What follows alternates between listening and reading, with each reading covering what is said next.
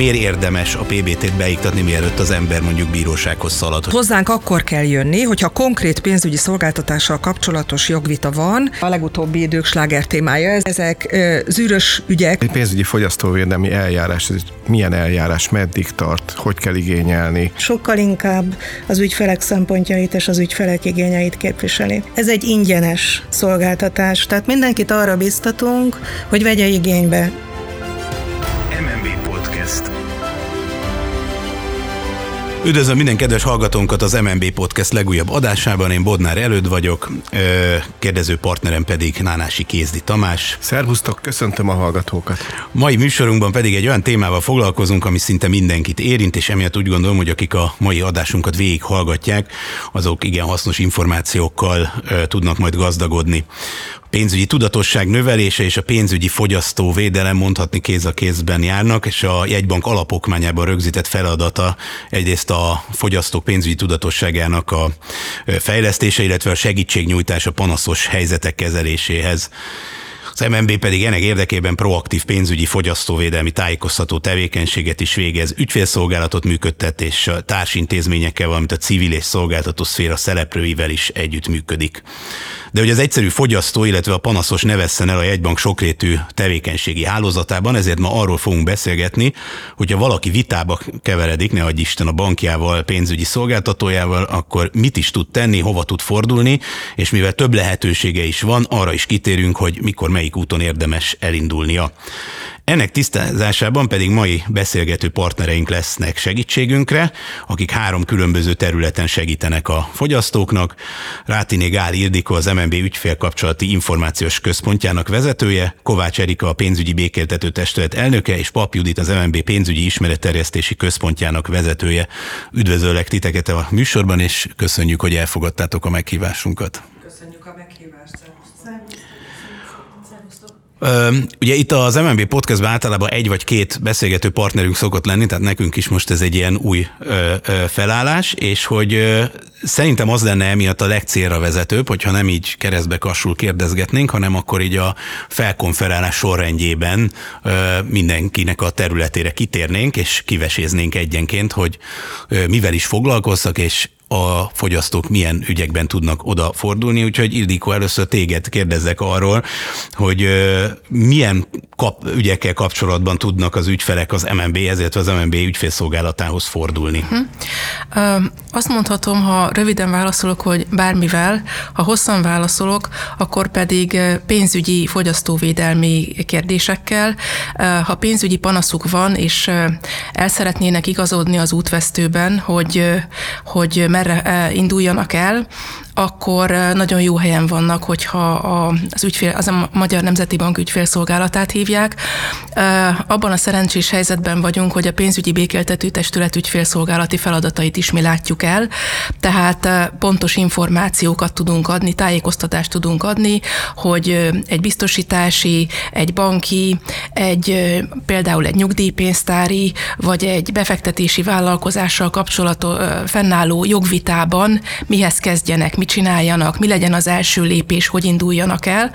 És persze a pénzügyi tudatosság fejlesztése az az ügyfélszolgálat feladata is, tehát mi annak örülünk, hogy ha nem akkor fordul, nem csak akkor fordul hozzánk az ügyfél, amikor már panasza van, hanem előzőleg, amikor tájékozódni akar, hogy mit tegyen, például egy szerződéses kapcsolat létrehozatala előtt. Tehát akkor lényegében minden esetben ti vagytok az első lépcsőfok, vagy az ajánlott első lépcsőfok. Az ajánlott, a kapu. a kapu lehetünk, bár ö, azt is el kell mondjam, hogy Juditék kezelésében van az MNB honlapján belül a pénzügyi fogyasztóvédelem aloldal, és egy nagyon informatív, tényleg nagyon strukturált és nagyon hasznos információkat tartalmazó felület, tehát a tudatos fogyasztó az már nagyon jól ismeri ezt a, az aloldalt, tájékozott, elolvasta, és utána utána kérdez minket, de az sem baj, hanem ezt a sorrendet követi, hanem jön a kapuhoz, és akkor mi segítünk neki. A kérdés, hogy mikor érdemes a kapuhoz fordulni. Nekem van egy ismerősöm, aki az egyik bankfiókban durván egy órát ücsörgött, és nem állt vele szóba senki, és hát tudva, tudta, tudván tudta, hogy létezik olyan, hogy a Magyar Nemzeti Bank működésén belül a pénzügyi felügyelet, amelyik ezért a szféráért felel, és amikor felmérgesítette magát, az ott az első gondolat, hogy föláll és felkeres keresi az ügyfélszolgáltató felügyeletet. Jól tette-e volna, hogyha ezt az utat Igen. választotta volna? A, ugye akkor tudatos fogyasztóról van szó, mert tudja azt, hogy van pénzügyi felügyelés, és ez a, ezt a feladatot a Magyar Nemzeti Bank látja el, és tudja azt, hogy van ügyfélszolgálat a Nemzeti Bankon belül, tehát nem rossz gondolat az, hogyha az ügyfélszolgálatot hívja. Mi akkor elmondtuk volna azt, hogy ez egy minőségi kifogás. Szerződés nem rögzíti azt, hogy mennyi időn belül kell őt fogadják, jogszabály sem, ha általánosságban beszélünk, akkor jogszabály sem rögzíti, hogy mennyi időn belül kell a fiókban várakozó ügyfelet fogadni.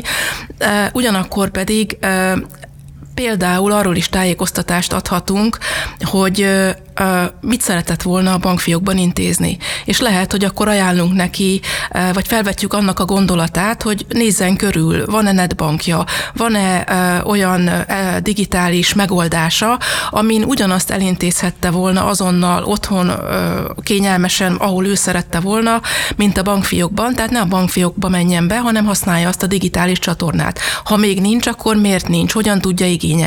A digitális szolgáltatásoknak vannak vannak-e kockázatai, mire kell figyeljen.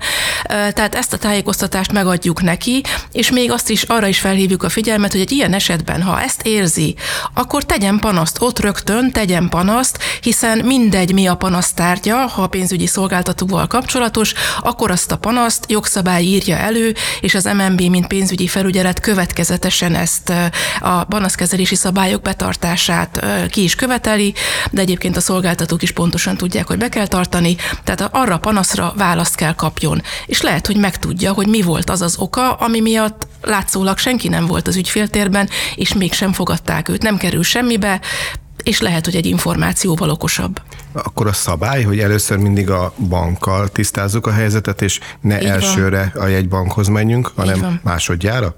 Így van, így van. Először mindig panasszal kell, a panasz megtételével kell kezdeni, a szolgáltatóval kell megpróbálni, megkísérelni a vitás helyzet rendezését. Tehát panaszt kell tenni. Pontosan, akár egy békültető testületi eljárással akarja tovább folytatni a történetét, a jogvitája rendezését, akár fogyasztóvédelmi hatósági eljárás, az MNB eljárására gondol is, az MNB eljárását kívánja kezdeményezni, mindig panasszal kezdjünk. Egyértelműen leírjuk, panaszunk van, és leírjuk azt, hogy mit sérelmezünk, mit szeretnénk, mit akarunk, mi a kívánságunk. Lehet, hogy egy panasz eljárás keretében rendeződik a dolog. Lehet, hogy egy technikai probléma volt, egy administratív hiba volt, mindenütt emberek dolgoznak, az előfordulhat, és lehetséges, hogy tökéletesen megoldódik a kérdés. Tehát ez akár súlyosabb ügyekre is vonatkozik. Például úgy érzem, hogy a hitelelszámolásom nem fele meg a valóságnak, amit kaptam a banktól. Így Akkor van. is oda megyek először. Így van. Meg, meg kell hallgatni a másik felet is. Mi az ő véleménye? Ugye a jogszabály pontosan előírja, hogy a panaszt érdemben teljes körűen jogszabályjal alátámasztottan meg kell vizsgálni. Tehát ezek lesznek azok az információk, amiket megtud, megismer a, az ügyfél, amikor megtette a panaszát, és megkapja rá a választ. Annak mentén el tudja dönteni, hogy ö, lépe tovább. Ugye, és... bocsánat, még egy nagyon fontos dolog, a panaszválasznak azt is tartalmaznia kell, hogyha a panaszra adott választ nem fogadja el az ügyfél, akkor milyen jogorvoslati lehetőségei vannak. És itt, itt lép be a jegybank. Így van. A jegybank és a e, békeltetés is a pénzügyi békeltető testület, hiszen ugye szerződéses jogviták esetén e, békeltetés e, útjára tartozhat a jogvita, míg hogyha a fogyasztói jogsértésről van szó, jogszabályban foglalt jogsértésről, akkor pedig az MNB hatósági fogyasztóvédelmi eljárását lehet kezdeményezni. És ez a kioktatás, ez a tájékoztatás, a kioktatást jó értelemben véve, tehát ez a megfelelő tájékoztatás elérhetőségi adatokkal, nyomtatványok fellelésének a lehetőségével a panaszválaszban ott kell legyen. Sőt, ha az ügyfél igényli, akkor még a nyomtatványt is a szolgáltatónak a rendelkezésére kell bocsátania. Ez egy... Bocsánat. Jó, bocsánat, csak ez egy nagyon érdekes dolog, amit mondtál, hogy ugye nem feltétlenül a, a pénzügyi szolgáltató intézmény a hibás, tehát ugye előfordulhatnak olyan esetek is, amikor mondjuk az ügyfél hozott egy megalapozatlan, helytelen fogyasztói döntést, és mondjuk ebből fakadnak bizonyos félreértések, de szerintem lehet, hogy majd a PBT kapcsán erre akkor később ö, visszatérünk. Viszont ö, én egy olyat akartam, hogy ilyen technikai információk, hogy tulajdonképpen ez hogy néz ki az egész, de ugye Tamás akartam amit kérdezni, ezért akkor visszaadom neki a szót adni. Csak hogy maga a pénzügyi fogyasztóvédelmi eljárás, ez milyen eljárás, meddig tart, hogy kell igényelni, erre vonatkozóan szeretnék információkat Igen, kérni. ugye a hatósági eljárás, sok a, a Nemzeti Bank hatósági eljárásai közül a fogyasztóvédelmi eljárás az, ami a fogyasztók, a, a pénzügyi szolgáltatást igénybe vevő fogyasztók kérelmére indulhat. A jogszabály pontosan tartalmazza azt, hogy eznek mennyi idő alatt kell lefutnia, ez jellemzően hat hónap, ugyanakkor figyelembe kell azt venni, hogyha, hogyha például hiánypótlást küld a Nemzeti Bank, akkor a hiánypótlás teljesítésének időtartalma az nem számít bele a, a hatósági eljárásba. De én a békéltető testületi eljárás hogy mondjam, nyomtatványaira szeretném inkább felhívni a figyelmet, bár mindkét eljárásra van nyomtatvány, amit nagyon jól lehet használni. Elérhető, ahogy említettem már például a Nemzeti Bank fogyasztóvédelmi aloldalán, a pénzügyi fogyasztóvédelem aloldalon mindkét eljárásnak van nyomtatványa, de lehet, hogy temat, más, máskor szeretnétek kérdezni, de én elmondom, hogy a PBT honlapján van egy nagyon jó online PBT eljárás kezdeményező felület, ahol ha odalép az ügyfél, akkor rögtön az, a kormányablak ügyfélkapuhoz jut el, ott, hogyha az ügyfélkapus rendelkezik ügyfélkapu azonosítással, akkor belép az ügyfélkapu felületre, és ha például új eljárást szeretne indítani, akkor új ügy indítása gombra kattintva már is feljön az a nagyon jól használható 150-es számú formanyomtatvány, egy normál PBT eljárás nyomtatványa, vagy egy méltányossági eljárásban a 180-as nyomtatvány feljön, tehát mindenképpen azt javaslom, hogy tájékozódjanak a kedves ügyfelek, hogy hol érhetőek el a nyomtatványok, és nagyon jó, jól használható elektronikusan elérhető nyomtatványok vannak. Én szerintem nagyszerűen kimerítetted ezt a, a, választ, mert hogy egyébként én is ezt akartam kérdezni, és ha már ilyen jól felkonferáltad a PBT-t, akkor ugye rátérnénk arra, hogy a pénzügyi békéltető testületnek mit is takar pontosan az eljárása, és hogy tulajdonképpen miért érdemes a PBT-t beiktatni, mielőtt az ember mondjuk bírósághoz szalad, hogyha esetleg vitás kérdésbe bonyolódik a pénzügyi intézetével. Hát több ok miatt érdemes a PBT-hez fordulni, legelsősorban azért is, mert gyors és ingyenes a szolgáltatás, és mikor érdemes, ugye ez az alapvető kérdés, és itt visszacsatlakoznék ahhoz, amit eddig kérdeztetek Ildikótól, és ő válaszolt.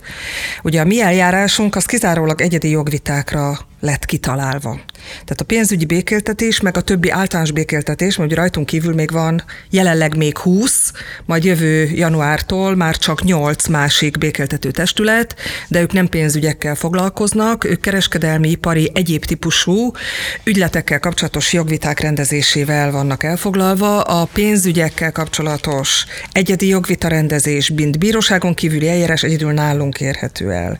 Tehát hozzánk akkor kell jönni, hogyha konkrét pénzügyi szolgáltatással kapcsolatos jogvita van, amit Ildikó említett az úgynevezett hatósági eljárás, vagy az MNB által indított fogyasztóvédelmi eljárás, az pedig nem érint egyedi jogvitát. Ez nagyon nagy különbség, sokszor keverik össze az ügyfelek, ezért hangsúlyoznám azt, hogy attól függ, hogy mit szeretnénk elérni. Ha egyedi problémánk van, és egy konkrét ügyet szeretnénk megoldani, például egy biztosítással kapcsolatban eh, kártérítési problémánk van, például egy hitelezéssel kapcsolatban elszámolási vitánk van, akkor van helye a PBT eljárásának, ha pedig csak úgy ö, csúnya szóval élve fel akarjuk nyomni a hitelintézetet, mert például sokat álltunk sorba, vagy egy óra hosszát nem foglalkozott velünk senki, ez nem az a jogvita, ami hozzánk tartozik. Erre legfeljebb az ügyfélszolgálat részére történő bejelentés után, vagy annak alapján lehet kezdeményezni valami fajta MNB-s eljárást, ami nem jelenti a jogvita rendezését. Ahhoz, hogy hozzánk valaki eljusson,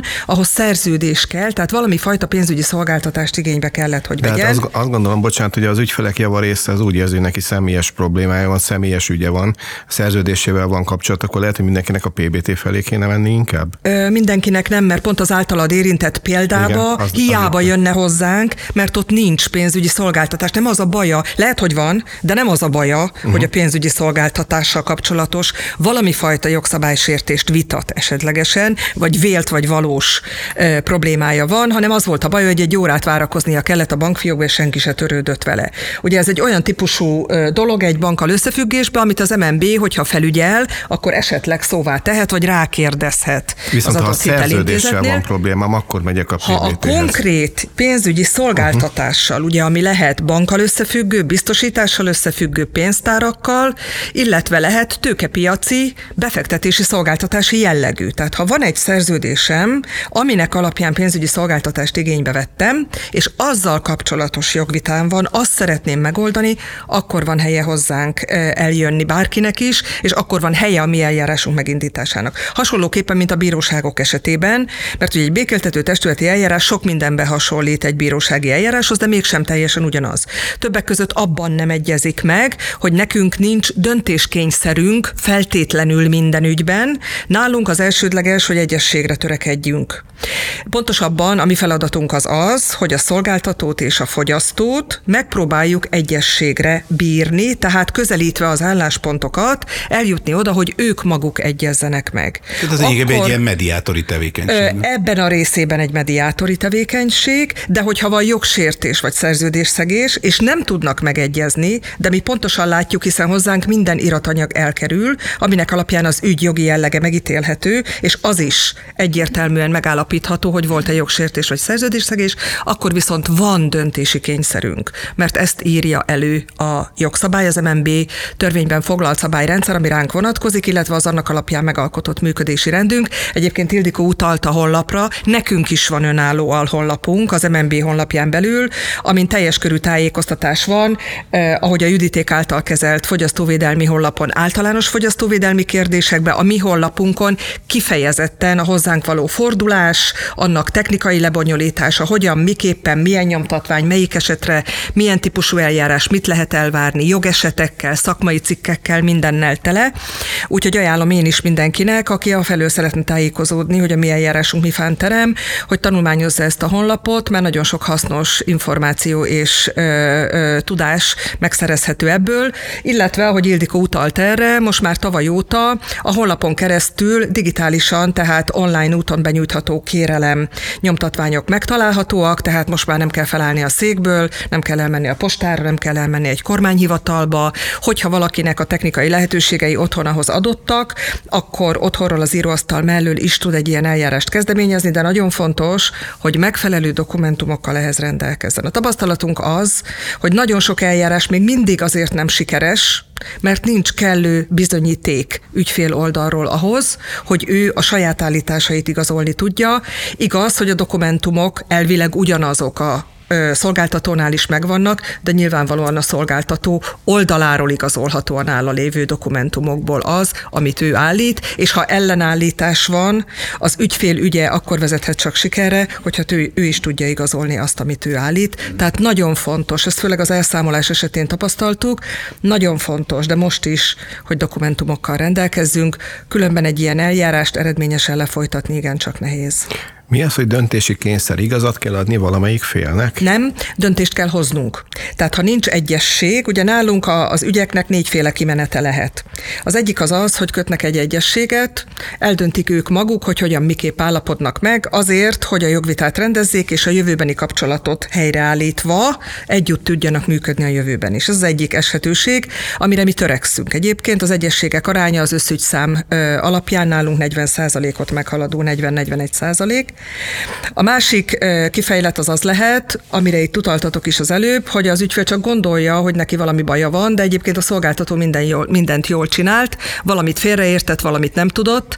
Ezeket a típus eseteket főleg ugye a bankkártyával kapcsolatos tartozás törlesztések kapcsán láttuk, mert a bankkártyák működésével kapcsolatban még mindig nagyon sok ügyfélnek nincs meg a megfelelő tudása, és azért nincs meg, mert még mindig nem olvassák el ugye az erre vonatkozó szabályzatot vagy szerződést, szerződés, tehát nem tudják, hogy például egy hitelkártya törlesztése, visszafizetése, ha csak részlegesen történik, akkor arra bizony egy nagyon jelentős Kamat.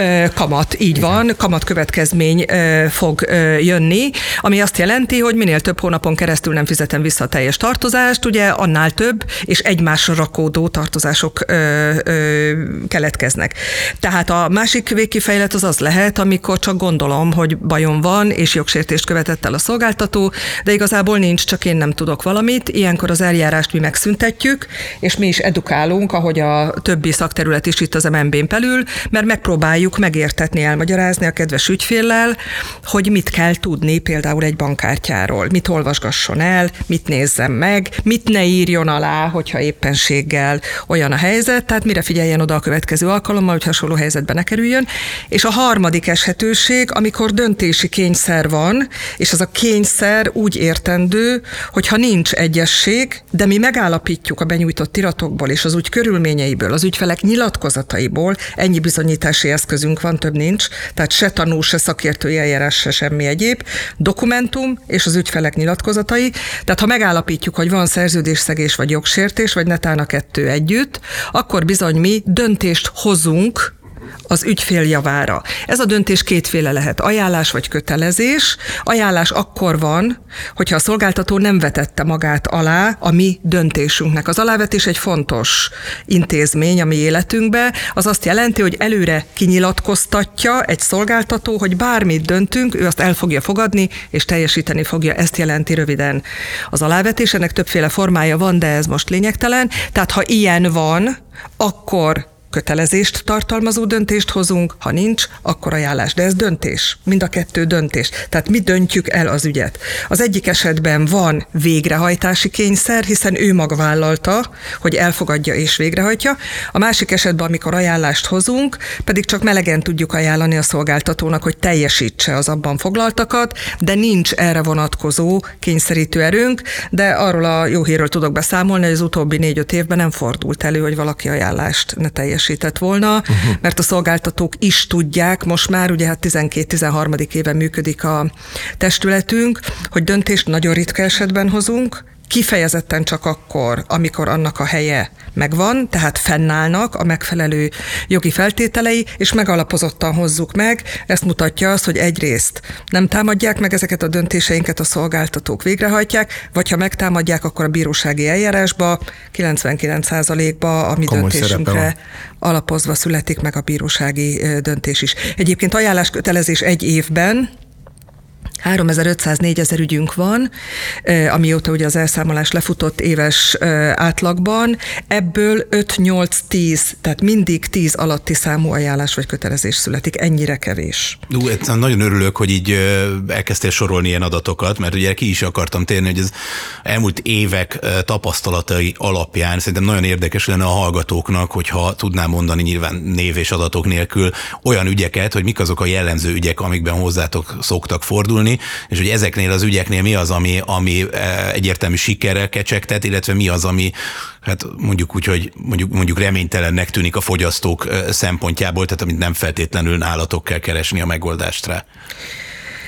Hát ugye négy nagy szektornak a, az ügyeivel foglalkozunk, mert ugye a pénzügyi közvetítő rendszer négy nagy területből áll, és akkor így területenként mondanám el röviden összefoglalva, válaszolva a kérdésedre, hogy milyen típus ügyeink vannak, mert ugye mindegyiknél más és más. Például egy pénztárnál, nyugdíjpénztár, egészségpénztár, nagyon egyszerű a dolgunk, mert a díjkövetelésekkel, díjfelszámítással kapcsolatos ügyeken kívül gyakorlatilag nincsen semmi más. Ugye Sokalja ez egy az ügyfél a felszámol Így van. Sokalja uh-huh felszámol díjat, vagy ő másképp kalkulálta, az ő számításai szerint nem annyit kellett volna beterhelni a szolgáltatónak, és oda jön hozzánk, és ezt elkezdi vitatni. Itt a pénztári körben nem igen szokott más ügyünk lenni, hiszen nincs mit. Ez egy standardizált szolgáltatás, ugye ugyanazt kapom. Egészségügyi szolgáltatást, nyugdíjszolgáltatást. Ugye a fizetett díjakkal, költségekkel kapcsolatban lehet csak bajom.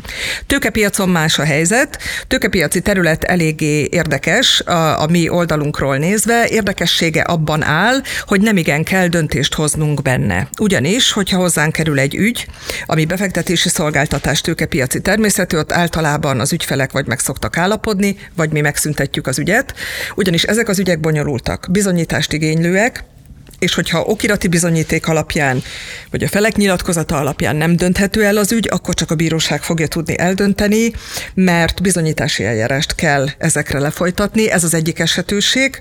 A másik, meg hogy gyorsan megegyeznek. Nagyon sok befektetési szolgáltató esetében tapasztaltuk már ez alatt a 12 év alatt azt, hogy abban a pillanatban, amikor kiderült számára, hogy az ügyfél eljárást kezdeményez, rögtön tett egy egyességi ajánlatot, gyorsan visszavonta a kérelmét. Inkább, mint a bíróság? Ö, megegyeznek. Uh-huh megegyeznek a háttérbe a mi eljárásunkon kívül, ami nekünk mindegy, mert ugye az is egy eredmény, tehát nem feltétlenül kell a mi eljárásunkba egyességet kötni, tehát egyszerűen megegyeznek. Vagy közösen úgy döntenek, és nem feltétlenül tudjuk, hogy mi a háttere ennek a közös döntésnek, hogy közösen kérik az eljárás megszüntetését. Vagy azért, mert megegyeztek, vagy azért, mert megállapodtak, hogy ez tényleg egy olyan bonyolult ügy, hogy el kell vele menni bírósághoz. Ezt mi nem feltétlenül tudjuk, akkor tudjuk, hogyha erre nézve van visszajelzésünk. A biztosítások és a hitelintézeti szektor esetében pedig rettenetesen árnyalt a kép, főleg a hitelintézeti szektor esetében, mert ugye 21 féle pénzügyi szolgáltatás van, és biztosítási módozatokból is van bőven. Hát a biztosítások területén a típusügy ugye mindig a biztosítói kárrendezés kérdése. Ott mindig azzal szokott probléma lenni, és hát ugye nagyon hullámzó például, hogy melyik időszakban hány biztosítási ügyünk van, mert ha például természeti katasztrófák, károk vannak, mint ahogy ugye a vízkár, meg a, meg a szélvihar, meg a nem tudom, egyéb természeti erők által okozott károk, akkor bizony ezeknek az ügyeknek a száma meglódul, adott időszakba, de az biztos, hogy a biztosítások területén mindig a biztosítási kárrendezés a problematika. Itt nem minden ügyet tudunk megoldani. Például életbiztosítások területén az azzal kapcsolatos igényeket, amik arról szólnak, vagy haláleseti biztosítások esetén, hogy mi okozta a halált, meg volt-e már a betegség, nem volt meg, milyen adatom van hozzá, milyen nincsen, a biztosítónak van egy orvos szakértői véleménye, nekem nincs, hogy lehet döntést hozni sehogy.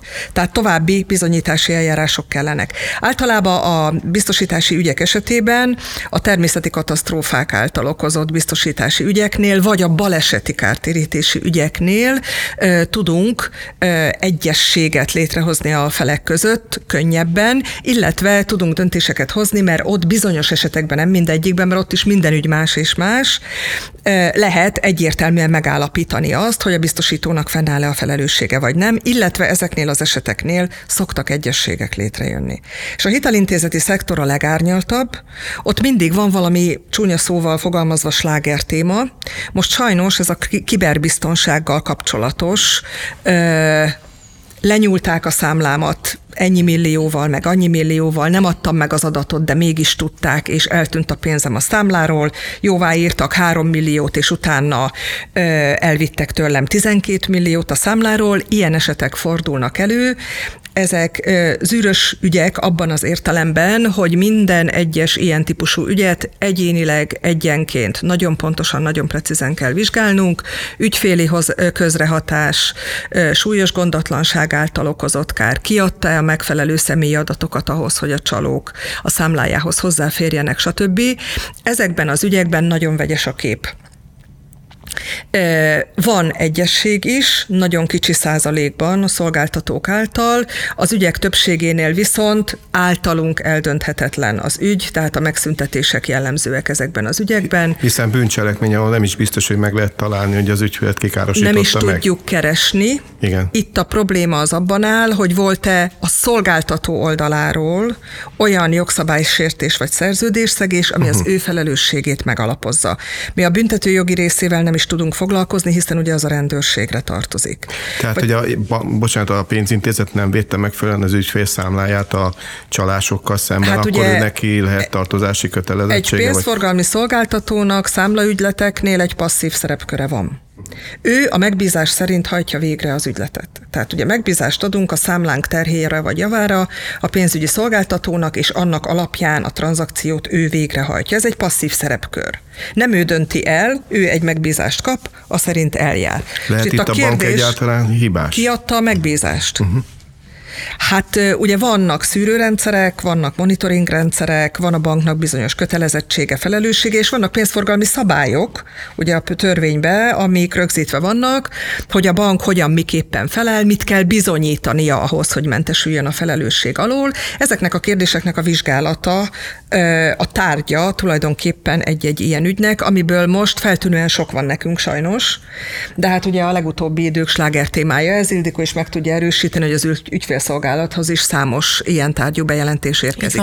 De korábban a hiteltartozásokkal kapcsolatos elszámolási viták voltak nagyon jellemzőek, és volt egy olyan időszak, ugye a törvényi elszámolás lecsengése után, amikor a portfóliót nagyon nagy tömegbe értékesítették a szolgáltatók, követeléskezelők részére, volt egy csomó méltányossági ügyünk. Most a méltányossági ügyek száma csökken, és ugye előtérbe helyeződött ez a kiberbiztonsággal kapcsolatos ügytípus, ami mondom nagyon ö, e, alaposan és pontosan vizsgálandó, és az ügy körülményei, összes apró körülményeire tekintettel dönthető el egy-egy ügyben, hogy ott mi a helyzet, e, illetve hát nehéz, hogy úgy mondjam, ezeknek a megítélése, hiszen hogy pontosan mi történt meg, ki mit csinált, meg mennyire felelős az ügyfél a személyes adatok kiszolgáltatásába, ugye ezt nagyon alaposan vizsgálni kell. Tehát nagyon széles a paletta, vannak állandó és visszatérő vagy állandóan meglévő ügyeink, miért például hitelkártyákkal kapcsolatos tartozások kérdése, betétekkel nem igen van kapcsolatos jogvitánk, készpénzhasználattal kapcsolatban elenyésző számban, de tulajdonképpen bármelyik pénzügyi szolgáltatással kapcsolatban előfordulhat ilyen. Többségében azért a hitel pénzkölcsön és a pénzforgalmi szolgáltatások vezetnek mindig is a mi statisztikáink szerint, visszamenőleg a PBT 2011-es alapítására. Tehát van minden, mondhatom ezt.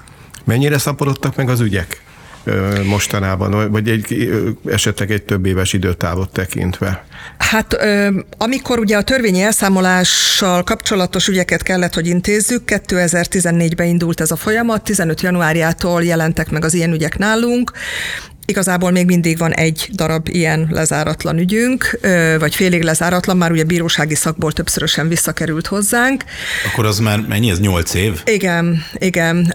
Akkor rengeteg ügyünk volt, 2015-16-ban 17 ezret meghaladó, csak ilyen törvényi elszámolása kapcsolatos, de ez egy speciális feladat volt, amit külön törvény ruházott ránk, nem az MNB törvény szerint, hanem az elszámolási törvények szerint kellett, hogy ezzel foglalkozzunk.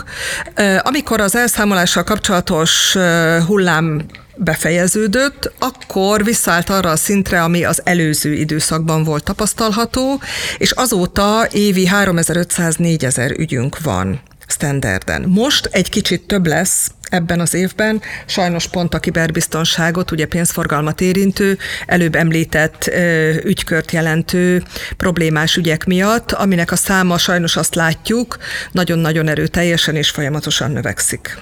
Na most akkor már beszéltünk arról, hogy az MNB a saját ügyfélkapcsolati rendszerén keresztül miben tud segíteni. Most kiveséztük nagyjából a pénzügyi békéltető testület tevékenységét, de ugye itt a felvezetőben említettem, hogy van egy harmadik olyan terület, ami a jegybanknak már csak a saját dokumentumai alapján is egy nagyon fontos kiemelt terület, egy ez a pénzügyi kultúra fejlesztése, a pénzügyi ismeret terjesztése, ami tulajdonképpen olyan értelemben véve egy preventív tevékenység, tehát fölkészíti a fogyasztókat arra, hogy esetlegesen ne is kerüljenek olyan helyzetbe, hogy az ügyfélkapcsolati irodához vagy a PBT-hez kelljen fordulni. És, Ugye ez a pénzügyi ismerterjesztési tevékenység, ezt javarészt az MNB a saját pénzügyi ismerterjesztési központján keresztül fejti ki, aminek Judit a vezetője, és egy valamit még nem is említettünk itt a beszélgetés során, hogy ugye van egy tanácsadói, pénzügyi tanácsadói hálózata, ilyen irodahálózata az MNB-nek föntartva, és e, erre még nem tértünk eddig tényleg egy szóval se, hogy oda is tudnak fordulni a panaszosok. Er, ezt meg be tudnád de nekünk mutatni, hogy milyen ez a hálózat, hogy épül fel, és itt milyen panaszokkal, milyen panaszokat tudtok kezelni, illetve egy nagyon fontos kérdés, hogy az ügyfelek melyik szakaszba, vagy hogyan tudnak ide belépni, mikor érdemes ide belépniük? Nagyon szépen köszönöm azt a szót, amit mondtál, hogy prevenció. Mert hogy itt a pénzügyi fogyasztóvédelemről beszélgettünk, és a pénzügyi fogyasztóvédelemnek azért eddig főleg azokról a típusairól beszéltünk, ami már, mi azt szoktuk mondani, esemény utáni történet, mm. tehát valamilyen ügyfélpanasz, valamilyen feltételezett kár, valami, ami jogorvoslati igényt szül. Ugyanakkor a pénzügyi ismeretterjesztés, ami gondolatunk szerint ott kezdődik, hogy próbáljuk az ügyfelet felkészíteni, tájékoztatni, helyzetbe hozni. Tehát, hogy adott esetben meg se történjen ez a probléma, ez a kár, hanem ő felkészülten lépjen bele egy pénzügyi szerződéses jogviszonyba, nevezetesen már esemény előtt tájékozódjon, tehát nézze meg azokat a tájékoztató anyagokat, amit Ildikó említett. Tényleg a honlapunkon rengeteg-rengeteg cikk, kis film, kalkulátor, egyebek találhatók, ami azt reméljük, hogy elvezeti őket gyakorlati tippekkel, tanácsokkal egy megfelelő irányba, mérlegelheti a kockázatokat, az előnyöket. Tehát Próbáljuk a fogyasztót helyzetbe hozni információkkal. Az is nagyon fontos, hogy adott esetben, hogyha olyan kérdése van, még szerződéskötés előtt is lehetőség van tájékozódni, megnézni, átolvasni segítséggel, és amit említettél, ez a pénzügyi tanácsadó hálózat, ez tulajdonképpen egy nagyon szépen kapcsolódó eleme mind az ügyfélszolgálat, mind pedig a pénzügyi békültető testület működésének. Ugye lássuk be, ezek olyan pillérek, olyan közszolgáltatások, vagy ha úgy tetszik, infrastruktúrák, amit a Magyar Nemzeti Bank működtet, ténylegesen pénzügyi fogyasztóvédelmi céllal, és hogy Ildikó elmondta, az ügyfelszolgálat Budapesten működik, tehát itt tudja fogadni az ügyfeleket, természetesen van lehetőség telefonos, illetve e-mailes kapcsolatfelvételre is, de azért mégiscsak egy Budapest központú szolgáltatásról beszélünk. És ez volt az a pont, ahol felismerte az MNB, hogy országosan szükség lenne erre a tevékenységre, és ezért hozta létre a pénzügyi tanácsadó irodahálózatot, ami minden megyében a vármegye székhelyeken megtalálható. Ha leegyszerűsítve fogalmaznék, akkor tekinthetjük úgy, hogy ez az ügyfélszolgálat, a budapesti ügyfélszolgálat vidéki kiterjesztése, tehát pontosan a vidéki lakosságnak is segítségnyújtásról, illetve tájékoztatási pontról beszélünk. Körülbelül 25-27 ezer ügyfél szokott egy évben fordulni az összes hálózati egységhez, 18 irodáról beszélünk, ugye a 18 vármegyeszékhelyen. Nagyon érdekes megfigyelni, hogy milyen ügyekkel jönnek, és az a nagy örömünk, hogy itt azért az ügyfelek 60%-a már szerződéskötés előtti tájékozódás miatt keres meg bennünket, és mondjuk körülbelül olyan 25-30% az, akik kifejezetten panaszügyjel jönnek hozzánk. Tehát itt is azt látjuk, hogy van egy eltolódás az előzetes tájékozódás és tudatosság irányába.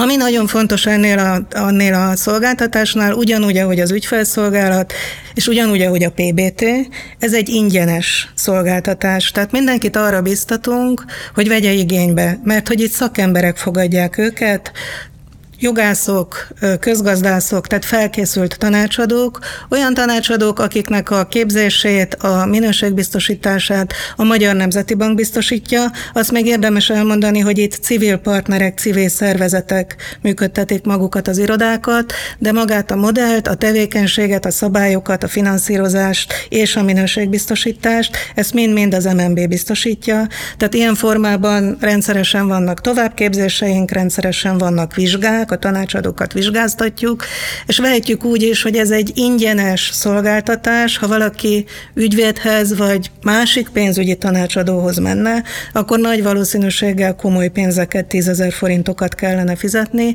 és még az sem biztos, hogy egy független tanácsadóhoz kerül, mert elképzelhető, hogy egy pénzügyi tanácsadó, aki magát így hirdeti, MNB-n kívül, ő valahol mégiscsak valamelyik szolgáltatónak az ügynöke.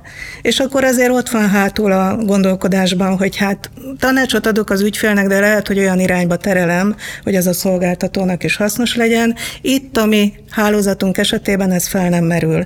Ez egy teljesen független, pártatlan irodahálózat, és ilyen formában talán mondhatom azt, hogy sokkal inkább az ügyfelek szempontjait és az ügyfelek igényeit képviseli.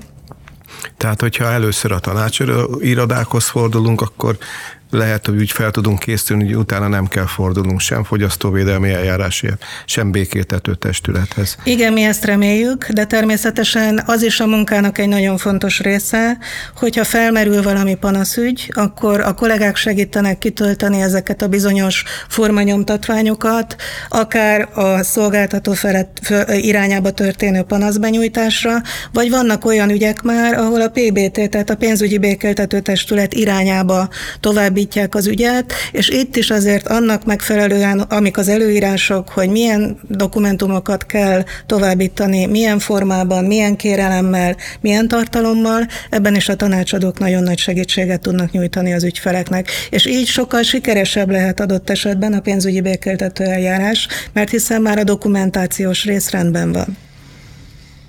És ugye akkor a maga a szolgáltatás, tehát az irodahálózatnak az igénybevétel, az minden esetben teljesen ingyenes. Már... Abszolút ingyenes, tehát az ügyfelnek soha semmilyen körülmények között nem kell és nem is szabad fizetnie.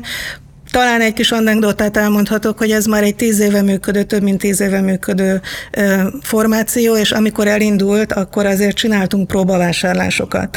Tehát mind kvázi ügyfél mentünk ki a különböző irodákhoz, és volt egy új város és egy új partner, ahol is a fel nem fedett MNB-s kollégákat leültették, várakoztatták egy órán keresztül, majd a beszélgetés után mondták, hogy x 10 ezer forint lesz a szolgáltatás, és ez volt az a pont, ahol azonnali jelleggel szerződést bontottunk ezzel a szolgáltatóval, tehát ez nem fordulhat elő, de azt gondolom, hogy ez manapság már tényleg fel sem merül a kollégák részéről. Igen, ne nevezzük meg a várost. Semmiképpen. De a többit esetleg igen, tehát az összeset, hogy hol találhatóak a az irodák? Gondolom az összes, Az összes vármegye székhelyen, tehát akkor most ez egy ilyen földrajzi vizsga, hogy induljunk el. Jó, igen, hát nem kell felsorolni. Soroljuk fel a vármegye székhelyeket, de nagyjából azért el tudjuk mondani, tehát hogyha elindulunk Salgotarján, Eger, Miskolc, Nyíregyháza, Debrecen, Szolnok, Szeged, Pécs, Kaposvár, Veszprém, Tatabánya, Székesfehérvár, Komárom, Győr, Szombathely, és biztos kihagytam elfelejtettem valamit. És talán még Kecskemét. Kecskemétet elnézést elfelejtettem, tehát itt 18 város nevének kellett volna elhangozni. Ha valamit véletlenül kifelejtettem, ezekről részletes tájékoztatás található az MNB honlapján. Van külön tájékoztató füzetés, amit adott esetben a pénzügyi szolgáltatók fiókjaiban is elérnek az ügyfelek, ami kifejezetten a pénzügyi tanácsadó hálózat működéséről szól, de ugyanilyen füzetünk van a pénzügyi békeltető testület működéséről, illetve a panaszkezelési eljárásról is. Nagyon kevés füzetet nyomtatunk ma már ki, fenntarthatósági okok miatt, és amiatt, mert hogy az online jelenlét azért erősödik, de ezek olyan témák, amiről azt gondoltuk, hogy nem baj, hogyha az ügyfél magával tudja vinni, el tudja tenni, bele tud nézni, és ez tartalmaz minden olyan fontos információt, ami nyitvatartási idő, elérhetőség, pontosan hol található, milyen telefonszám, stb. Ezek a füzetek az MNB ügyfélszolgálatán is megtalálhatóak. Ja, Természetesen. Nézek itt Tamásra, de úgy nézem, hogy akkor ő is úgy gondolja, hogy végül is szerintem elejétől a végéig mindent végigjártunk, úgyhogy akkor kedves Ildikó, kedves Erika, kedves Judit, nagyon köszönjük, hogy itt voltatok velünk, hogy elfogadtátok a meghívásunkat, és hogy ennyi hasznos információval elláttátok a hallgatókat. Természetesen köszönöm a hallgatóknak is, hogy most is velünk tartottak, és hamarosan majd új adással fogunk jelentkezni, addig is azt ajánlom mindenkinek, hogy kövessék az MNB internetes felületeit, a YouTube csatornáját, a közösségi oldalait, és természetesen a podcast csatornánkat a viszonthallásra. Az adásban elhangzottak a beszélgetésben résztvevők saját véleményét tükrözik, amely nem feltétlenül egyezik a Magyar Nemzeti Bank véleményével, így azok nem tekinthetőek jegybanki álláspontnak.